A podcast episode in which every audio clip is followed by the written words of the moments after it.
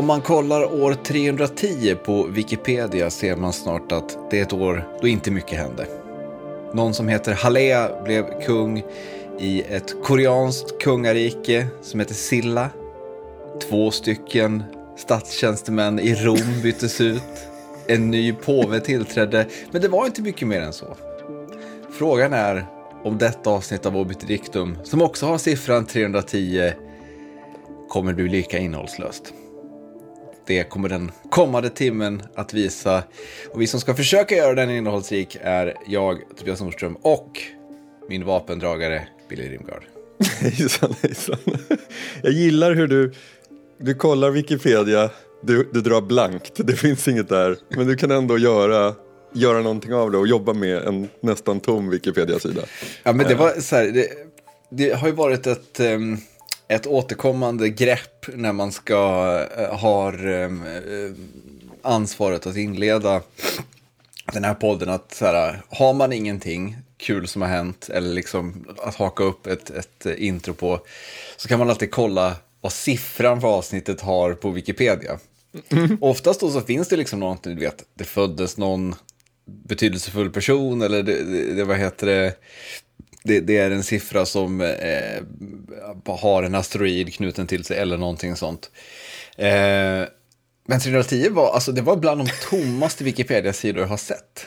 Det var liksom så tre betydelsefulla födelser under hela 310. Det, det känns... Eh, Ja, det kanske var ett, lite av ett mellanår för mänskligheten. Romarriket är ju i, i sin solnedgång. Eh, jag kan tänka mig att det är liksom... Det, det, är inte de roligaste av tider. Nej, alltså så här, det, det, det, det är liksom fyra stycken högt uppsatta, uppsatta kinesiska digniteter som dör, men det, det känns som att det borde väl vara vilket, vilket år som helst i Kina. alltså det, det, känns inte som att det är särskilt utmärkande. Ja. Hör du, jag har... Kommer du ihåg? Det finns en gammal JJ Abramsism. Um, på något vis. Uh, jag, jag, vet inte om det är en ism, men typ ett, ett, en devis, ett spår. Jag gillar i alla fall att i den här podden finns Abrahamsismer. Alltså... Ja. ja, men de känns viktiga att återbesöka för att han är ju lite av... Han var kanske lite en, en, um, en trigger till att vi en gång startade podden eftersom vi liksom surrade så jäkla mycket om Lost och, och liksom var in, immersed i populärkultur. Uh, på ett sätt som man kanske inte hade varit några år tidigare när vi startade podden. Jag vet inte om vi ska ge JJ credden, men, men alltså det var en bidragande, han, han har ett finger med i spelet när vi startade podden en gång i tiden. Sen har han ju vänt och blivit lite av vår nemesis, så att säga. Eh, står för allt som är likriktat och tråkigt med populärkulturen. Eh, och därför tycker jag det är värt att ompröva hans eh, olika ismer som The Mystery Box och så vidare.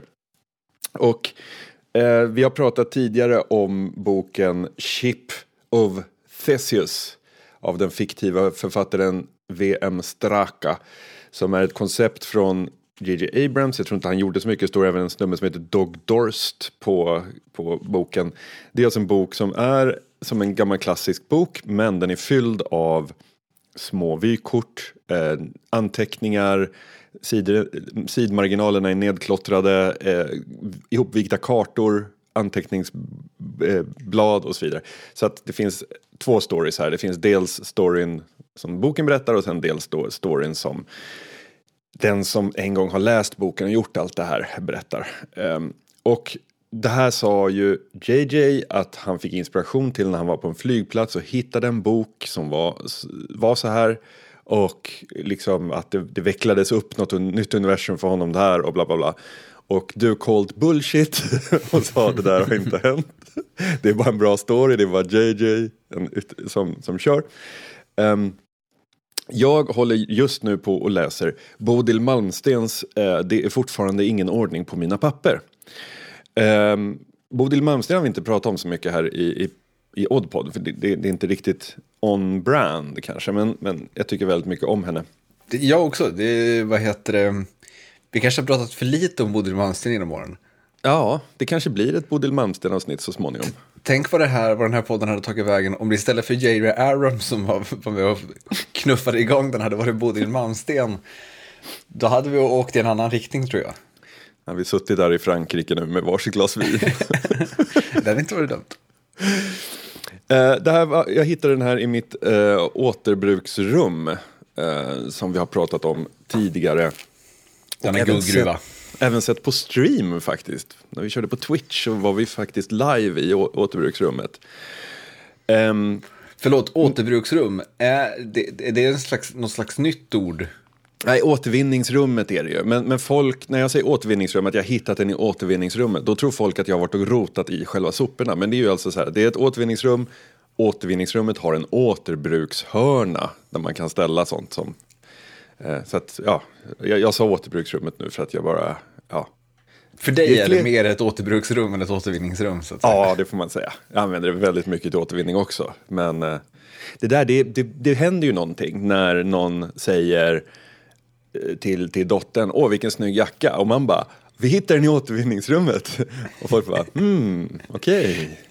Okay. Um, ehm, så att, ja, återbruk, återvinning, uh, det är uh, men eh, jag trodde snarare så här, du bor i söderort, jag trodde du skulle liksom plocka eh, pluspoäng snarare att du, att du rotar kläder till barnen i återvinningsrummet. Alltså, det, ja, det är väl men, det helt i linje med det, det tidevarv vi lever i på något vis. Jo, absolut. Men det finns ändå så här, det, det är skillnad på bilden att gå till återbrukshörnan där folk har lämnat saker som andra kan ta.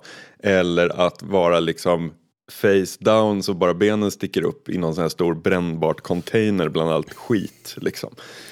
Du hade, inte varit, du hade inte varit en ospännande pappa om du tog dina barn dumpster diving på, på helgen. Nej, absolut, absolut.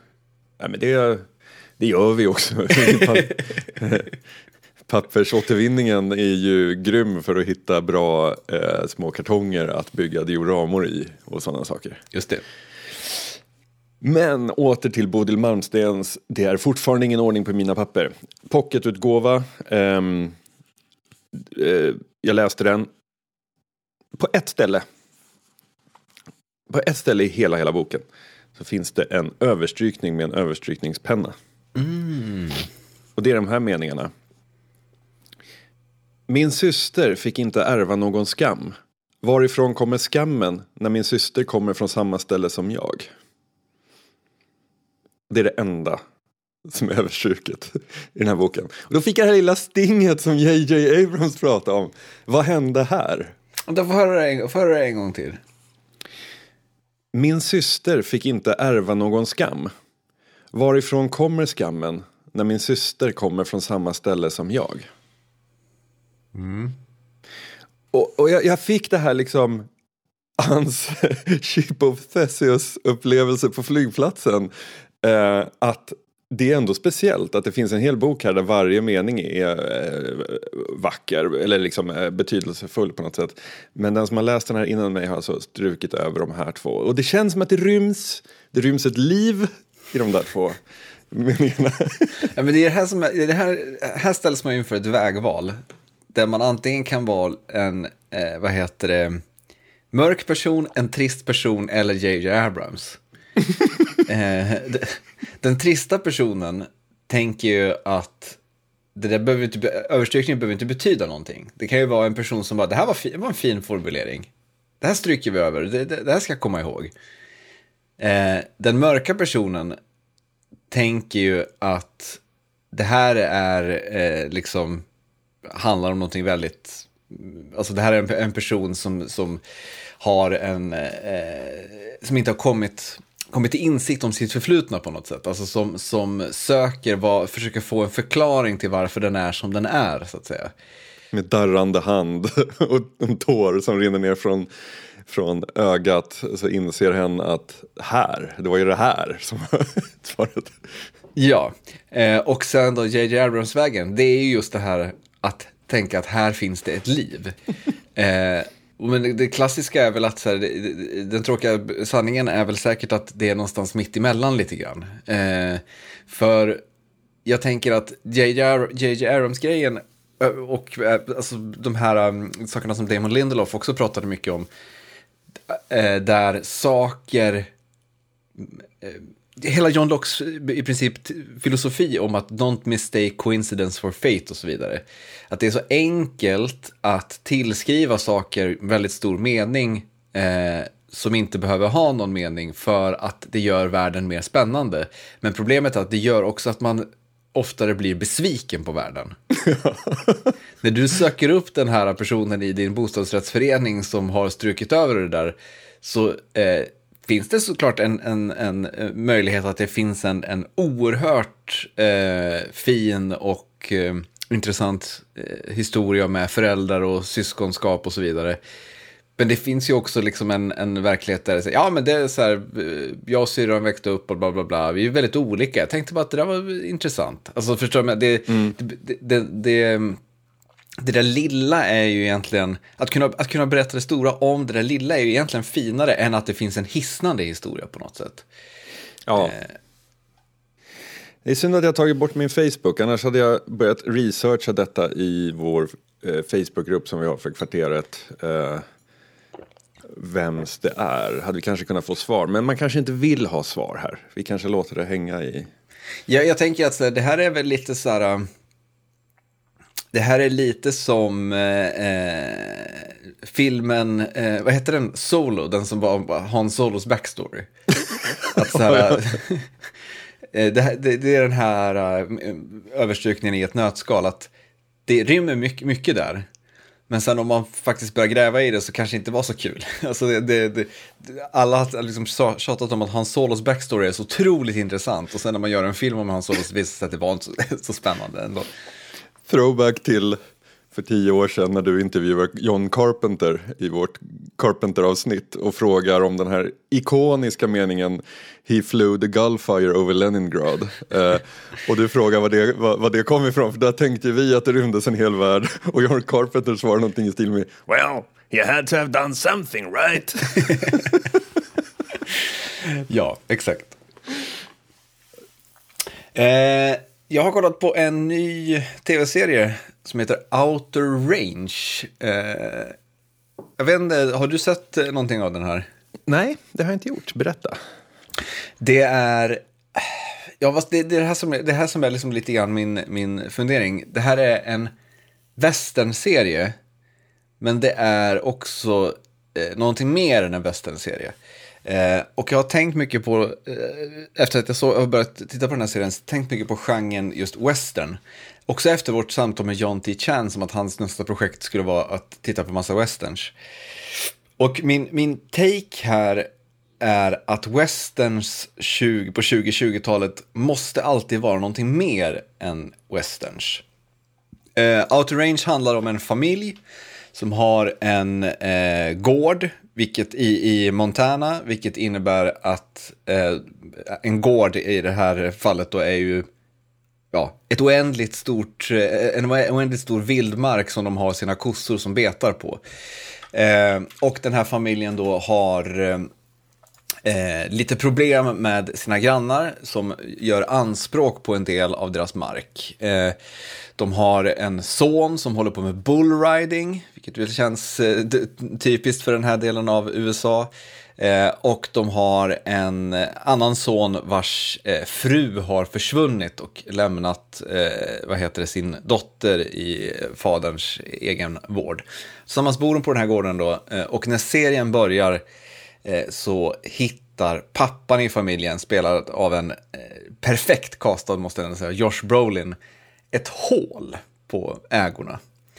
Och det här är liksom så här, det känns väldigt så här en, den, den gamla typen av hål. Alltså, eh, när jag säger den gamla typen av hål menar jag liksom, ja men så här, grekiska eposhål. Alltså förstår du vad jag menar? Eh, serien börjar med att en kvinnlig berättarröst, det första som händer är att en kvinnlig berättarröst pratar om eh, någon gud som gjorde ett hål i världen. Eh, och det här hålet i världen är där tiden eh, rör sig. Eh, mellan liksom vår värld och gudarnas värld. Typ någonting mm. sånt, jag parafraserar. Ehm, och det här hålet då är liksom så här, det är inte som att det är en grop, utan det är snarare, det, alltså när Josh Brolins karaktär står vid det här hålet så är det snarare som att det här är liksom ett, det är verkligen ett hål i existensen som han upptäcker. Och det här hålet då, att det här hålet finns börjar få massa eh, konsekvenser för den här familjen, för hans liv och för eh, det som händer i den här lilla staden i princip. Eh, och det är väldigt mycket, jag skulle inte säga att det här är liksom science fiction, men det här hålet bidrar till en väldigt tydlig, eh, eh, ett tydligt mått av spekulativ fiktion i den här annars liksom ganska tydliga western-serien. Tar man bort det här hålet så är det här ett familjedrama eh, om liksom en, eh, en eh, ja, cowboy-dynasti typ. Lilla huset på prärien typ. Ja men exakt, det, det, det och det, det är liksom så här hålet är på många sätt en motor i vad som händer i, i, i Outer Range. Men det är också väldigt tydligt att det är familjedramat som är liksom, det upptar definitivt minst lika mycket av manusförfattarnas fundering över vad är det här för serie. Um, och det jag började tänka då på var, jag, känner du till eh, Taylor Sheridan? Oj, vad namnet låter bekant. Ja, han är väl liksom så här den moderna västerns eh, liksom, främsta förgrundsfigur de senaste åren. Han skrev Sicario, han skriver mycket ah. manus och regisserat lite grann också, men, men framförallt är det väl hans manus som han har liksom gjort sig ett namn med. Han har skrivit Sicario, eh, Hell or High Water, Wind River eh, så han, eh, och tv-serien Yellowstone. Man kan väl säga att han har liksom så här, tagit western-genren, eller snarare så här, han har tagit andra filmgenrer oftast och placerat dem i en slags western-kontext. Mm. Som, eh, till exempel hans film då, Hell or High Water handlar om två bröder som rånar banker. Och sen och så jagas de av Jeff Bridges som spelar polis. Men sen då så har liksom Taylor Sheridan placerat det här i liksom middle of nowhere Amerika eh, i liksom nordvästra delarna och du har de här liksom eh, gigantiska himlarna, du har liksom det här bildspråket som man förknippar med eh, gamla västernfilmer. Eh, och, det, och samma sak med till exempel hans film Wind River som utspelar sig i, vad heter det, eh, jag för mig att det är Alaska, det är någon form av liksom vinterlandskap i alla fall. Eh, nej, förlåt, Wyoming är det. Eh, men det är liksom verkligen så öde vinter eh, mitt ute i ingenstans. Eh, det är native americans som tjafsar med lokalbefolkningen. Det är, och så vidare. Och så har han ju liksom gjort att han tagit som en polisstory och placerat den här. Och min take är då liksom att säga, en, en western 20 på 2020-talet kan liksom inte längre bara en, vara en western. Så istället så måste massa folk som är intresserade av det här bildspråket och den här genren hitta andra saker som liksom så här är ett svepskäl för att göra en western. Mm. Man vet att så här, som Outer Range till exempel, man säljer liksom inte den till eh, republikanska amerikaner om så här, drömmen om det fria livet på prärien, utan man säljer den liksom bara mysteriet med hålet liksom. Mm. Ja, jag, jag, tänker att man säljer den inte till eh, tv-bolaget och finansiärerna eh, med, med western-pitchen. utan man säljer den som en sci-fi. Eh, för att man vill göra man kommer för hålet, man stannar för familjen. Ja, men li lite så kanske. Eh, men jag skulle säga att jag rekommenderar alla att se Outrange för att hålet är också, det är liksom inte eh, The Hatch, utan så det, det, det, har en, en intressant implikation på handlingen på ett mer konkret sätt också som, som är, är spännande. Men eh, jag, jag, tänkte bara så här, varför tror du att liksom så här, varför köper vi inte för jag tänker, skräckfilmen har liksom också genomgått en lite samliknande förvandling de senaste åren. Att, eh, ja, men, filmskapare och så som Jordan Peele har liksom hittat sätt att så här, man berättar en historia och så gör man det till en skräckfilm för att det är liksom mer attraktivt. Eh, trots att det egentligen liksom inte är särskilt relevant för historien. Liksom. Det, mm. Get Out handlar om eh, ja, amerikanska relationer mellan eh, vad heter det, afroamerikaner och vita i, i väldigt stor utsträckning. Och hur, framförallt hur den vita amerikanska medelklassen har helt konstig syn på vad heter det, afroamerikaner. Eh, men så gör han det till en skräckfilm och då är det liksom så här, mer lättsmält på något sätt. Det, det, det, jag, vet inte, jag har liksom ingen, ingen konkret spaning, men, men, men eh, vad tror du att det här handlar om? Men alltså, dels, dels så måste man väl ändå säga så här att det här har ju också gjorts i ja, många tider. Alltså så här, Shakespeares komedier Absolut. kommenterar den politiska läget i landet. Eh, men man förklär det till en eh, dratta komedi för att ingen skulle gå och se tre timmar om det politiska läget i landet. Typ så. Um, så att det, det är ju inte liksom ett nytt grepp att, att eh, klä upp eh, sina saker. Men jag tror att i just fallet västern som du säger så har du helt rätt att eh, för ett par avsnitt sen så pratade jag om de här Alien-böckerna som jag har läst och att problemet alltid är att ungefär två tredjedelar in i dem så ska man ha lite till. Alltså man, man måste lägga på det där extra lagret. För, för, antingen för, för att det är så idag, jag vet inte om det är jag som är, är, är liksom Eh, out of touch med min samtid. Uh, antingen för att det är så att man måste ha lite mer för att nå igenom bruset eller så är det att man tror att man måste ha lite mer. Um, men jag tänker om man backar bandet till när Outer Range liksom planeras. Han har en vision, eller han, eh, liksom de som är inblandade har en vision. Som kanske bygger på platsen, som kanske bygger på den här familjen, som kanske bygger på någonting i konflikten med den här andra grannfamiljen. Eh, de har liksom ett upplägg och så sitter de och bara så här. Kan vi skriva ett utkast på vår dramaserie Lilla huset på prärien 2.0 eh, och liksom realistiskt tro att den kan bli gjord. Så bara, nej, okej. Okay. Hur kan vi göra att den här inte är som alla andra pitchar för Lilla huset på prärien 2.0 som garanterat också skrivs i, denna, i detta nu.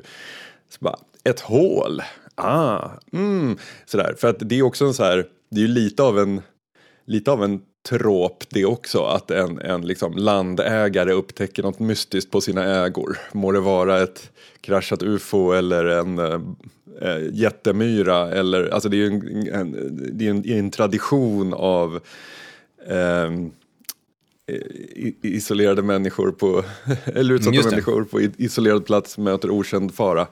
Eh, ligger det helt i den traditionen någonstans även om vi inte vet det här. Eh, ja, hålet kanske har lite andra, lite, lite andra förutsättningar. Men, men förstår jag tänker att där man försöker, alltså hisspitchen är ju inte relationerna, relationer i familjer i rural America över tid. Utan det, hisspitchen är eh, enkla människor i rural America möts av det här okända och mm. måste, måste finna sig själva för att finna sanningen om det. Typ. Ja. Men jag tror också att det finns ett mått av det som, vi ska inte stanna, fastna i det för, för länge känner jag, men, men jag tror också att det finns ett mått av att så här, eh, om man tänker liksom att westerngenren handlar om någonting, handlar liksom om när mänskligheten, den civiliserade mänskligheten befinner sig i liksom vildmarkens gränsland på något sätt. Mm. Eh, det, det, är liksom så här, det är där vi nästan inte längre är civiliserade. Eh, och att det, just det gränslandet är liksom intressant för att det drar den mänskliga naturen till sin spets på något vis. Vi, vi är både den här eh, tänkande varelsen i världen som, som har ett liv, men vi är också i naturens våld. Vi, vi är liksom brukar jorden, vi gör de här sakerna som vi, liksom, vi är fortfarande någon typ av eh, klassisk eh, lantbruksmänniska så att säga. Eh, och att så här, jag tänker att Taylor Sheridan och Outer Range och andra liksom moderna westerns brottas med hur får man in den här känslan i en modern kontext. Mm. Alltså om man inte vill göra eh, kostymfilmer som utspelar sig i mitten på 1800-talet om och om igen, utan så här, om man liksom känner att så här, den här känslan att vi befinner oss i, i the wilderness, gränslandet mellan liksom civilisation och vildmark hur berättar man om det i ett idag? Liksom? Eh, då känns det också som att så här, det, det, då måste man ha man kan använda liksom de här bilderna och den här känslan som, som finns där och ha en modern kontext på något sätt. Det är därför, jag har ju en ganska stark övertygelse om att vi har ett behov av att berätta den storyn på något sätt. Eh, och att det var därför som zombiegenren fick ett sånt uppsving. För att The Walking Dead är ju en western eh, i, i alla avseenden förutom att den har zombies. Liksom. Ja, verkligen. Eh, jag skulle vilja flytta eh, fokus, eller det kanske här kanske också handlar om ett hål. Från ett hål till ett annat. Ja. Um, termen klubbmusik. Um, alla, här, det, det är en fascinerande aspekt av liksom techno, eh, eh, vad som helst. Det är ju att det är en av få genrer som är så här, ren bruksmusik. Den ska liksom användas. Eh, det finns några till genrer, alltså typ så här um, kommer ihåg någon gång när jag var på företagshälsan och det var så dimmat ljud. Eh, utbrända människor satt och grät i väntrummet och det spelades så här new age med shakuhachi-flöjter. eh, det var också bruksmusik. Den var liksom gjord för enkom det syftet kändes det som. Eh, men eh, klubbmusiken är ju så här, om man lyssnar på en tre minuters poplåt, den är ju till för att lyssna på och sjunga med i och sånt. Eh, klubbmusiken är liksom gjord för att funka tillsammans med annan klubbmusik eh, på ett dansgolv. Eh, det är därför låtarna har två minuter monotoni inledningsvis där man ska kunna mixa in dem och så vidare. Så att den som producerar klubbmusik rör sig inom ett extremt snävt eh, ramverk egentligen av så här, eh, formalia kan man säga. Eh, och eh, det, det, det har, eh, eh, jag gillar ju att lyssna på, på på, på techno typ också. Men jag tycker att det där alltid har varit en fascinerande aspekt av den och att det är där, det som definierar den som klubbmusik då. Men så har jag, jag har, jag har en, en fråga och det är så här. Jag tittar ju mycket på, på Trackmania streams och spelar Trackmania som jag har berättat tidigare. Och där är ju, i den svängen så är drum and bassen väldigt eh, central. Många, många spelar drum and bass och så. Och, är det bidragande till att du har fastnat där? Jag tänker ja, att det finns, ett, ett, det finns ett, en känsla av att komma hem för dig där. Ja, ja, ja absolut, så är det. Så är det. Och då så finns det ju, eh, jag har sen, sen tidigare eh, följt en brittisk eh, YouTube-kanal, klubbarrangör, label som heter UKF som liksom publicerar de bästa eh, spellistorna med liksom olika typer av basmusik kan man säga. Och döm om min förvåning häromdagen när jag var inne på min YouTube och fick en föreslagen spellista. Och då är det alltså UKF som har satt ihop en spellista som heter Drum and Bass for Gaming. Um, här ryggar jag tillbaka lite grann. Um, och kom plötsligt att tänka på, är det så här att den breda samlingsnamnet för de här olika eh, kick och bastunga genrerna som vi kallar för klubbmusik. Är det så att de idag brukas i högre utsträckning utanför klubben och än de gör på klubben och därför inte kan kallas klubbmusik längre? Yeah. Eh, thanks for coming to my TED-talk. Eh, ja, men så här, det, det, så är det nog. Men jag tänker också att så kanske det nog alltid har varit på ett sätt. Alltså, eh, visst att, att eh, det brukades säkert mer på klubben, alltså i större procentuell utsträckning på klubben förr i tiden. Eh, men jag tror ju att majoriteten av lyssningarna på klubbmusiken skedde utanför klubben även förr. Alltså man tänker det, för det är enklare att en, om, om liksom så här, 10 000 personer lyssnar på en låt hemma på kammaren så måste du skrapa ihop några klubbar för att det ska bli 10 000 personer som hör låten på klubben. Så att säga. Absolut, absolut. Men, men, men, jag tänkte bort själva lyssnings... Du menar bara rent bruksändamålet? Bru bruksändamålet. Ah, okay. Om man tänker klubbmusiken används väl idag först och främst på gym kanske.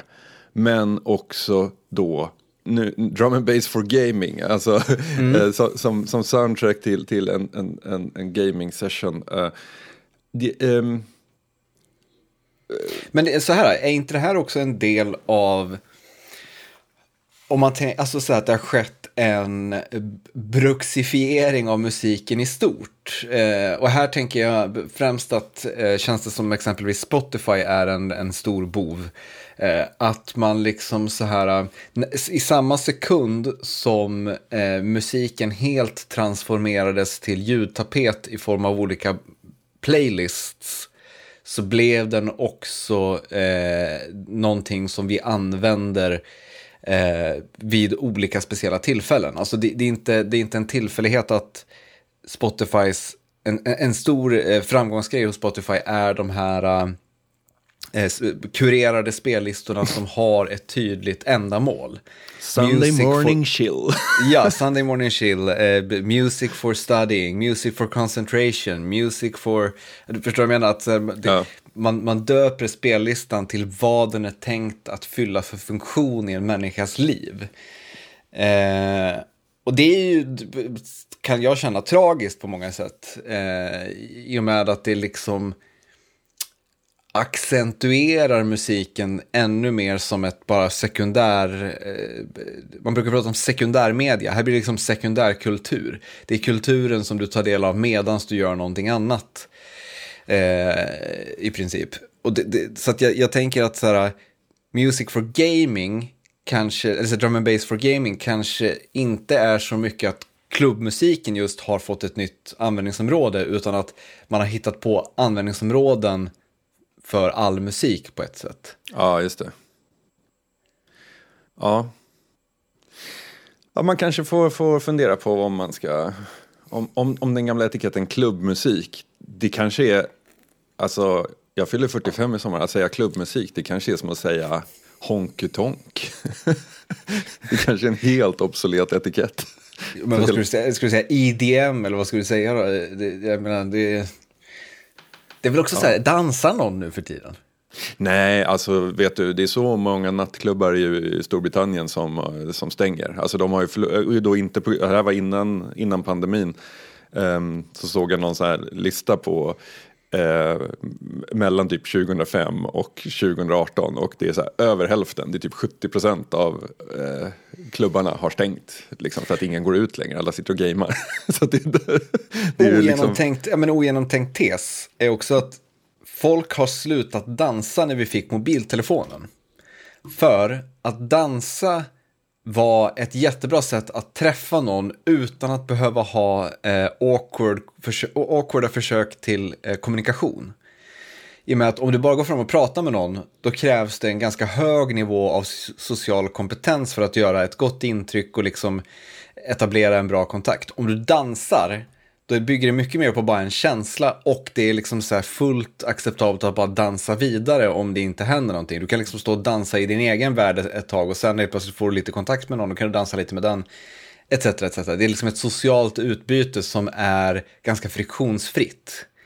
Men i, i och med mobiltelefonen så är det, behöver inte längre vara awkward. Alltså, vad heter det, kids, när de, när jag säger kids så menar jag alltså då 20-åringar, när de träffar varandra på, på krogen så vet man att så här, ja men så här, om jag inte kommer på någonting att säga, då kan jag kolla TikTok i en minut. Och se en mm. kul TikTok, då kan jag visa den. Och det är inget problem, därför att personen jag pratar med kommer också ta upp mobilen och kolla på TikTok. Det är liksom, eh, det, det, är inget, eh, behöver inte vara konstigt att det, att det är så. Eh, så vi behöver inte stå och dansa för att det här ska kännas, eh, för att vi ska ha en ursäkt för att stå här med varandra.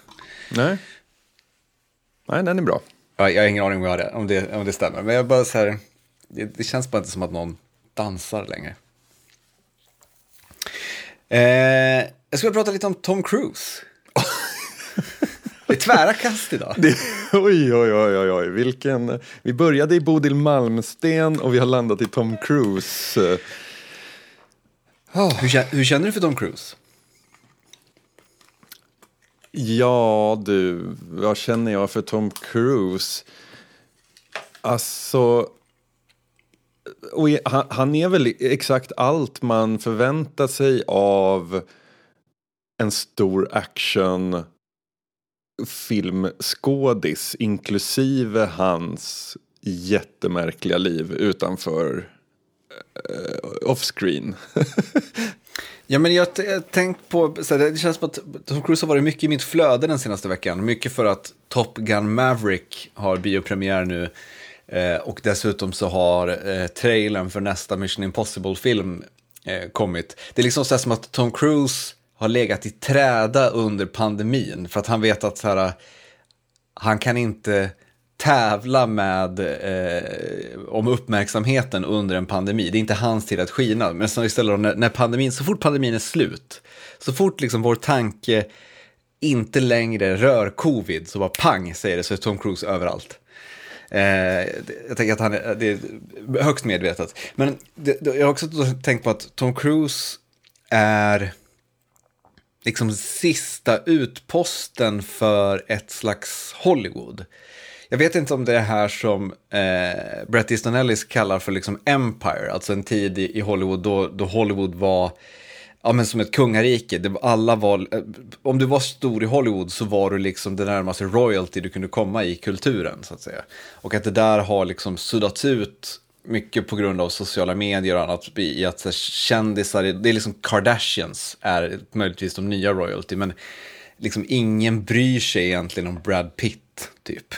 Mm eh, han, han verkar mest kanske vara en skön dude. Men Tom Cruise är liksom fortfarande larger than life. Alltså han är fortfarande knäpp. Han är fortfarande, alltså så här, ingen skulle liksom så här, typ kunna gå fram och börja prata med Tom Cruise. För att han är inte relatable.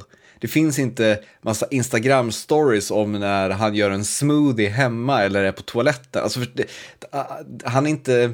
Det, ingen vet någonting om Tom Cruise privatliv, typ. Ja, vi, vi, vet ju saker såklart, men du förstår vad jag menar. att mm. eh, det, det, är liksom så här, samma känsla med Tom Cruise som med eh, Michael Jackson. Man har svårt att föreställa sig att Tom Cruise torkar sig i röven när han skiter. Eh, och, och, det, är ju verk, alltså det är en känsla om man tänker om, om någon skulle fylla skorna inom genren eh, vit, snygg, man, actionhjälte så är ju det där du beskriver nu, det är ju en aura som varken typ Brian Reynolds eller Chris Hemsworth eller någon av nej, de nej, där nej. har. Nej. Nej, absolut inte. Och, och framförallt så har alla de varit för eh, för mån om att odla en bild av att de är liksom down to earth. De är liksom mm. så här, de, de gör mobilfilmer med eh, liksom barnfans och så vidare. Det, det, och det, det är så här, det är, klart, det, det är liksom någonting positivt i, i, i, i grunden, men det är också något som går förlorat. eh, men, men det jag undrar lite grann så här då, det, det, vi kan enas om att så här, det här är, Tom Cruise förkroppsligar någonting som väldigt mycket fanns förr i tiden. Eh, men är det en, liksom, en, är det en kvarleva, en dödsryckning från gamla Hollywood eller kommer det här komma tillbaka tror du? Jag tror att det är en kvarleva. Jag tror att de, jag tror att de, så här, om jag var ett filmbolag så skulle jag önska att den där typen av talang kom upp. Som både kan göra liksom... Eh, man, man, alltså inom sin genre är han ju en bra skådespelare. Eh, sen, sen kan man, liksom... oh ja, alltså så här, jag, jag, har, jag, har, inte haft tråkigt en när jag sett en Tom Cruise-film på ja, 15 år i alla fall. Nej. Man kan, man kan göra sig så lustig över så Tom Cruise och Nick Cage, då, men, men alltså inom sina genrer så, så är ju de perfekta. Liksom. Eh, och jag kan tänka mig så om jag, om jag vore ett filmbolag så hade jag nog önskat att man kunde få fram någon sån där excentrisk, larger than life person som bara levererar och kan bli sådär stor. Men jag tror inte att vi har um, jag tycker man ser samma sak med, med uh, musikartister. Att så här, det finns ju ingen, finns ingen spänning. Alltså, det, uh, alltså, alltså en Britney Spears eller Kanye West eller så det är också så här gamla tiden därför att för att överhuvudtaget kunna bli stor idag så måste du också ha någon slags sociala medier-närvaro där man lär känna dig. Alltså så här, storyn om dig är så viktig i ehm, eh, storytellingen som bidrar till ett stjärnskap idag. Vilket gör att all den där eh, glansen, eller vad ska man säga, Eh, det ouppnåeliga som finns ändå med Tom Cruise. Man vet att man kommer inte ens kunna Alltså skickar man ett DM till Tom Cruise, om han ens ha, han har ju inte ens sociala medier säkert. Men skickar man ett, det, det, är aldrig någon som kommer tweeta Oh my god, jag DMade Tom Cruise och han svarade. Liksom. Nej. Nej, precis. Men, men, för det jag menar på något sätt med så här, jag, jag, jag är nog också i lägret av att det här är en dödsryckning. Eh, för att, som, precis som du säger, det, det, är för stor del av att bli någon idag är så, just storytellingen om, om dig. Men frågan är ju liksom om det inte leder... För jag menar så här, vi, vi, har ju också kommit till insikten att den här storytellingen om dig är ju liksom falsk. Eh, det, det, är ju inte så här att det som vi från, från början liksom tjusades av med det här var ju liksom det här med att kändisarna är som oss. Eh, bla bla bla. Eh, men sen så liksom har vi också lärt oss att så, här, så är det ju inte. Det här är ju kurerat innehåll i väldigt stor utsträckning. V vad vi får se och hur de här kändisarna berättar om sig själva. Eh, jag nämnde Kardashians tidigare, det är väl det typ, mest typiska exemplet där man liksom så här har reality-serier till och med som handlar om dem. Eh, som exempelvis spelas in, man, man låtsas att man är hemma hos Kim Kardashian men det är inspelat i, någon hyr, i något hyrt hus. Liksom. Mm. Eh, för att så här, Kim Kardashian vill ju inte visa upp hur det ser ut hemma hos henne. Eh, det jag menar är på något sätt att så här, det här kan ju också föda eh, en törst efter den där gamla myten på något sätt. Alltså, rätt vad det är så dyker upp, eh, om vi då tar liksom musikartist, rätt vad det är så dyker upp en musikartist som liksom blir stor men som vi inte vet någonting om typ. Eller som vi liksom så här, snarare tycker är lite märklig eller som, som liksom är eh, problematisk, eller vad man ska säga. Eh, och, och något sånt kan ju liksom väcka det där igen på något vis. Alltså en ny vår för någon slags Ziggy Stardust-personlighet, eller vad man ska säga. Mm. Eller, eller, eller, tror du att det är, liksom, det är kört för, för den typen av storytelling? Nej, men jag tror att det, jag tror att det är en nödvändighet. På alltså, jag vet att jag har hamnat det här är en, en, en tanke som jag har försökt formulera klart i väldigt många år. Uh, men den, den, är, den är svår att... Um, norsk, jag fick faktiskt en fråga från en norsk tidning som heter Fett. Uh, om jag kunde skriva... Peak Norge att en tidning heter Fett ändå, men ja. um, om jag skulle skriva en Eh, liksom, frågeställningen var liksom så här, eh, sexualiseringen av artister, eh, eller liksom art, artister är så sexiga. Så här. Eh, är det ett problem? Vad sänder det för signaler? Vad, vad är, eh, liksom, varför sker det och så vidare. Och jag tänkte, och grejen är att det här var smack in the middle av någonting jag hade funderat på ganska länge. Eh, men jag hade inte tänkt klart tanken då så jag var tvungen att tacka nej och jag har fortfarande inte för den är så himla eh, komplicerad. Men jag tror så här, och det, det, det linjerar exakt med det du säger så jag försöker säga någonting här. Mm, mm. Att jag tror att vi har ett behov av att titta upp på en scen och se liksom en, en usher i bar överkropp som är inoljad som står och porrar sig.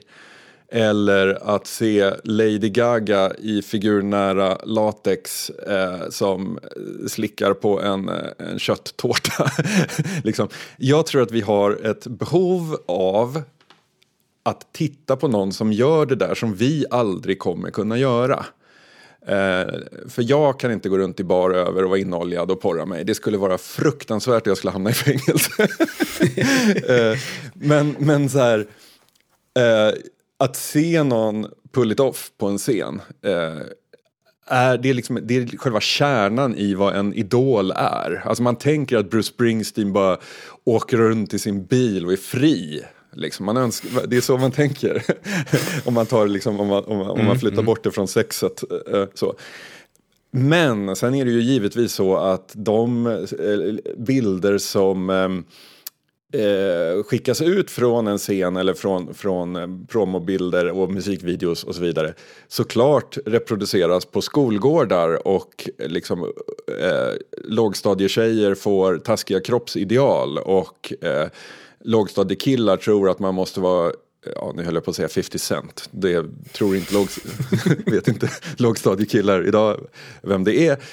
Um, men att, man, att, att Yasin är, är liksom ett, ett ideal. Så, så att det, är, det är ju jätteproblematiskt i och med att vi reproducerar massa eh, stereotyper och ideal som är helt ouppnåeliga vilket ger folk ångest innan man blir gammal nog att inse att ah, det, är, det är nästan ingen som når upp till de här idealen. Eh, så. Men jag tycker verkligen att någonting skulle gå förlorat om folk bara så här nu kliver jag upp på min stadiumscen eh, och ska performa inför 80 000 personer och jag har på mig liksom ett par jeans och en t-shirt och eh, står här i, i, bara en spotlight och, och, och, sjunger lite. För att det är ju ändå inte sången, sången är liksom en liten, liten del av varför man tycker om en, en sångerska eller en sångare. Eh, det är liksom allt det andra som är själva idolskapet. Eh, jo, men det, det, och det är ju inte så unikt för, alltså inom kulturen. Alltså det, jag tänker att det gäller väl eh, allt. Alltså om, eh, om det handlar om en politiker så är det ju så här, en politiker är ju aldrig omtyckt bara för att den är bra på politik. Eh, eller eh, en idrottsperson. Alltså, En idrottsperson blir ju aldrig en superstjärna bara för att den är jättebra på sin sport. Rätt vad det är, förr eller senare så inträffar liksom ett, ett till mått, eh, eller ett till ett till lager i berätt, alltså som Zlatan exempelvis. Zlatan är ju inte liksom världens kändaste svensk för att han är bra på fotboll. Det är en, en, en jättestor del av varför han är känd, precis som att en jättestor del till att Usher är känd är hans musik. Men eh, någonting gör ju att man liksom blir en nivå till. Och det är ju en, en, en det där som, som gör att det blir också attraktivt på något sätt. Jo, absolut. Fast i sport, alltså, jag tänker det finns ju ändå så här Roger, Roger Federer. Liksom. Det är ju inte så här, det är inte en strålande personlighet. Men däremot så har han liksom varit en overklig tennisspelare som liksom... Jo, okej okay ja. då, men om vi säger så här, alltså så här med, med sportpersoner menar jag kanske de som unga idoliserar. Det är ju ganska få unga som bara har Roger Federer-affischer på väggen. eh, men alltså, Nadal är ju liksom mer kompatibel med någon slags ungdomsfanskap eh, eh än Roger Federer. Just för att Roger Federer är en sämre personlighet. Liksom. Ja.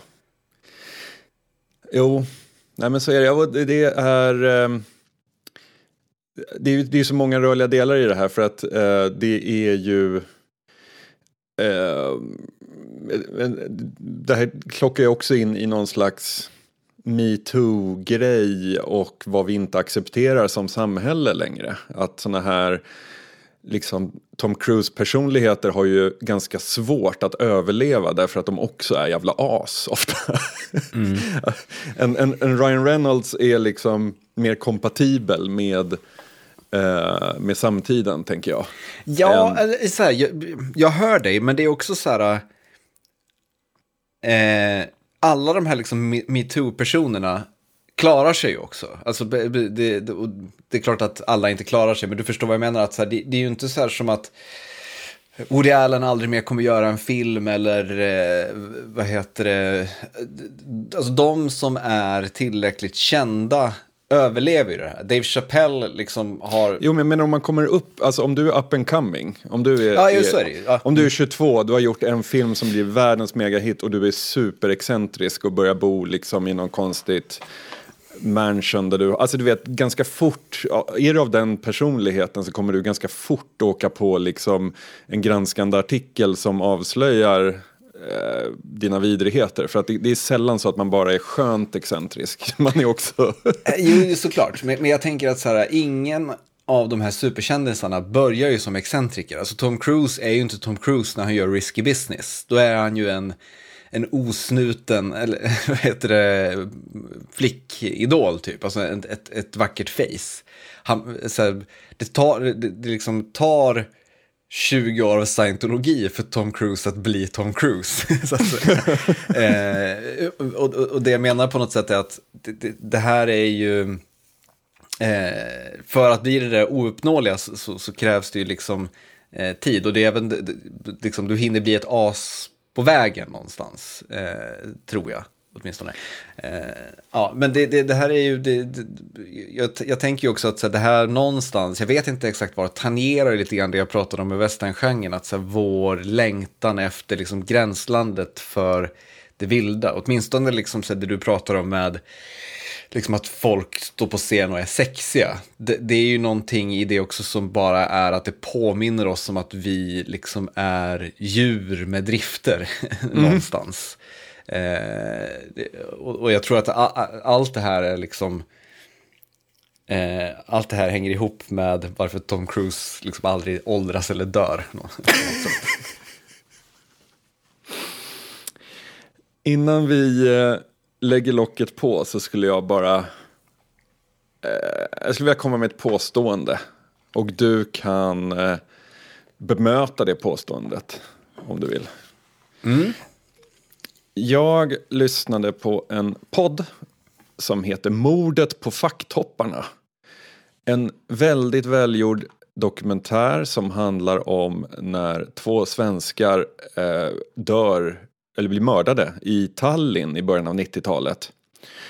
Eh, sju delar, väldigt eh, påkostat får man säga. Det är mycket, de, liksom, reporterna har varit där och rest och rotat i arkiv och det, det är en eh, bra krimdokumentär. Eh, man har knappt hört något buzz om den. Eh, det är ju inte en sån eh, eh grej man diskuterar kring kaffeapparaten på jobbet eh, och en bidragande orsak till det kanske är att det, den finns eh, det är tidningen Dagens Arbete som har gett ut den i sin podcastfeed bara och släppt den som en sån produkt. Jag har också tittat på Youtube på en sitcom, eller en, ja men en, är det en sitcom? En komediserie som heter Della Casa. Eh, och det är väl egentligen inte en komediserie kan man säga, alltså det, Simon Chippen Svensson har köpt ett gammalt eh, ruckel till kåk eh, och ska rusta upp det. Och, eh, Precis han, som alla lifestyle-serier på tv typ, eller? Ja, exakt. Eh, fast här det är liksom eh, Petrina Solange, eh, Jonathan Unge, eh, Färska Della-gänget. ja, hela Della-gänget. Eh, det är de som hjälper till. Eh, och det blir väldigt kul. Alltså det, det, det, kommer in massa karaktärer som bor på bygden och det är, ja men det är liksom en otroligt rolig eh, serie i, på temat husrenoveringar. Eh, och båda de här två är ju superbreda. Alltså det här är ju potential för, eh, eh om det hade varit för eh, 20 år sedan så hade liksom en, en, en Della Casa kunnat vara eh, SVT1 klockan 20.00 en, en tisdag. Liksom. Um, mordet på facktopparna klockar ju rakt in i liksom poddokumentärernas och eh, eh, true crime eh, Sverige på något vis. Men eftersom båda de här två sker eh, det är rätt indie. liksom. eh, De La Casa har har de proddat och sen lagt upp på sin eh, Youtube-kanal som eh, under produktion heter ju Simons eh, produktionsbolag och de har bara släppt det där. Mordet på facktopparna som sagt tidningen Dagens Arbetes podcastflöde.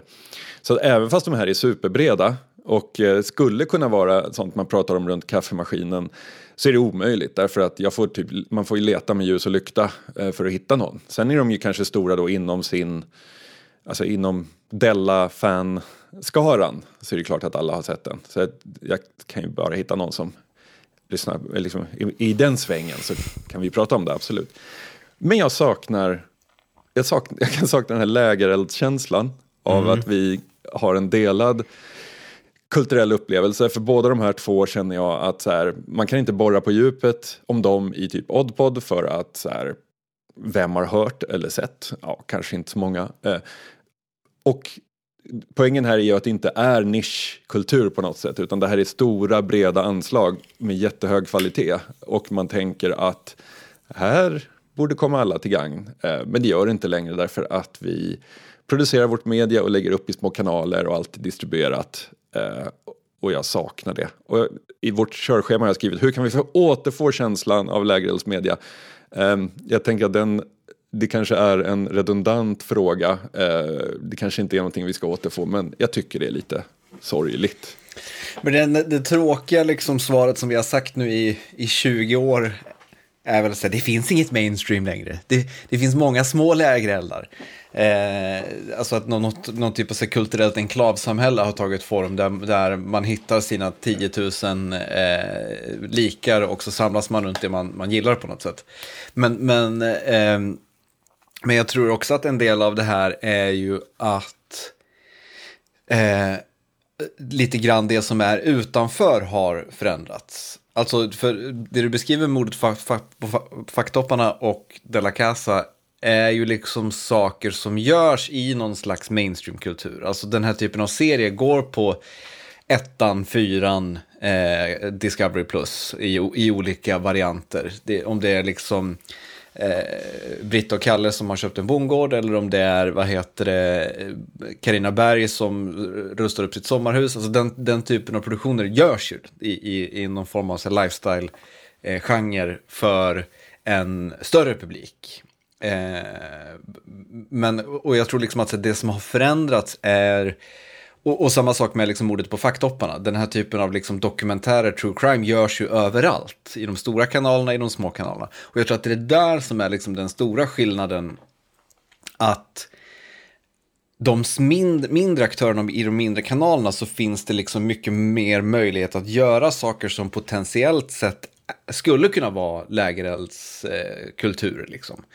För 30 år sedan, om du skulle göra liksom en vad heter det, en eh, liksom radiodokumentär eh, som poddar inte fanns då för, för 30 år sedan. Du skulle göra en radiodokumentär om eh, två mord som, som ägde, har ägt rum. Då, liksom så här, då måste du gå till Sveriges Radio, du måste få en budget, du behöver ha en projektledare, du behöver boka klipprum, du behöver boka studio, eh, du behöver köpa in liksom, en dyr bandare, eh, du behöver avsätta hur mycket tid som helst för att sätta dig på KB och leta eh, liksom material, du behöver sen då ögna igenom telefonboken och antagligen liksom Skatteverkets register över var de här personerna du vill prata med finns, hur du kommer i kontakt med dem, etc. etc. Eh, det här, liksom så här, behövs ju inte göras idag. Idag räcker det med att du har liksom en laptop, en mikrofon och ett internetabonnemang så kan du liksom bara gå in på Facebook och kolla så här, ja men de här som mördades då, ja men här har vi personens dotter. Vi skickar ett meddelande på Facebook och frågar, hej, jag håller på med en dokumentärserie, kan jag göra en intervju? Eh, jag kan ringa upp dig på Skype. Mm. eh, alltså, du förstår vad jag menar på något sätt, att här, det, det, möjligheterna att göra de här sakerna som annars var liksom mainstreamkulturens, som mainstreamkulturen hade finansiella muskler att göra, det kan vem som helst göra idag. Eh, att göra en tv-produktion, liksom, som, som ju ändå Della Casa på något sätt är, även ifall det är till YouTube, det kan liksom så här, det gör alla nu. Alla gör det ju inte, men du förstår vad jag menar. Alltså, ja. alla, har, alla kan ha en YouTube-kanal där man eh, producerar och klipper och grejer. Eh, men det, det var ju samma sak där. Det, förr i tiden så krävdes det liksom så många personer som skulle godkänna din idé innan du kunde göra den. Eh, och det, de stegen finns inte idag. Och det är, ju, alltså det är ju i grund och botten någonting bra. Alltså jag gillar ju att sånt här görs och att jag har möjlighet att hålla på och riffa med olika eh, kreativa grejer som liksom inte behöver pitchas och så vidare. Det är ju någonting bra, men det är precis men det kommer ju, på, det kommer ju på bekostnad ja. av att... Eh, för jag menar så här, lägerelden finns ju kvar, men då, då måste du tillbaka till att du behöver de där musklerna. För du behöver musklerna till marknadsföring i så fall. Du behöver liksom tapetsera stan med, liksom, vem mördade, nu vet jag inte vad facktopparna heter, vem mördade facktopparna? Ska det liksom stå i tunnelbanan överallt? Mm. Så att du liksom kan få det här basset så att alla måste veta det här. Eh, och, och det är ju liksom någonting som bara de stora kan göra eh, nu för tiden. Och det är väl därför det liksom i den mån lägereldskulturen finns kvar så är det ju där den finns på något sätt. Skönt att vi har Oddpod som vår lilla lägereld. vi, ja. försöker skapa lite kontext i alla fall. Eh, och gillar man den kontexten och har möjlighet så kan man stödja det vi gör på Patreon. Eh, Vill man Patreon... hålla den här lägerelden vid liv så kan man lägga på en V-klabbe genom att eh, stödja oss på Patreon. Precis. Sätta sig på huk, blåsa in lite luft, hålla dioderna blinkande och eh, glöden vid liv. Um, det, glöden vid liv, det, jag menade bokstavligen då, inte bildligt. Vår glöd, den falnar ej. Eh, det vore jävligt deppigt om, om det var argumentet. Om vi ska känna att vi vill fortsätta göra det här. Ja, hur som helst, patreon.com slash oddpod eh, supportar du ehm, eh, podden på. Och vi uppskattar alla typer av, av insatser där. Det gör vi verkligen. Vi eh, avrundar då för idag. Ja, vi hörs igen om två veckor. Det gör vi. Ha det fint!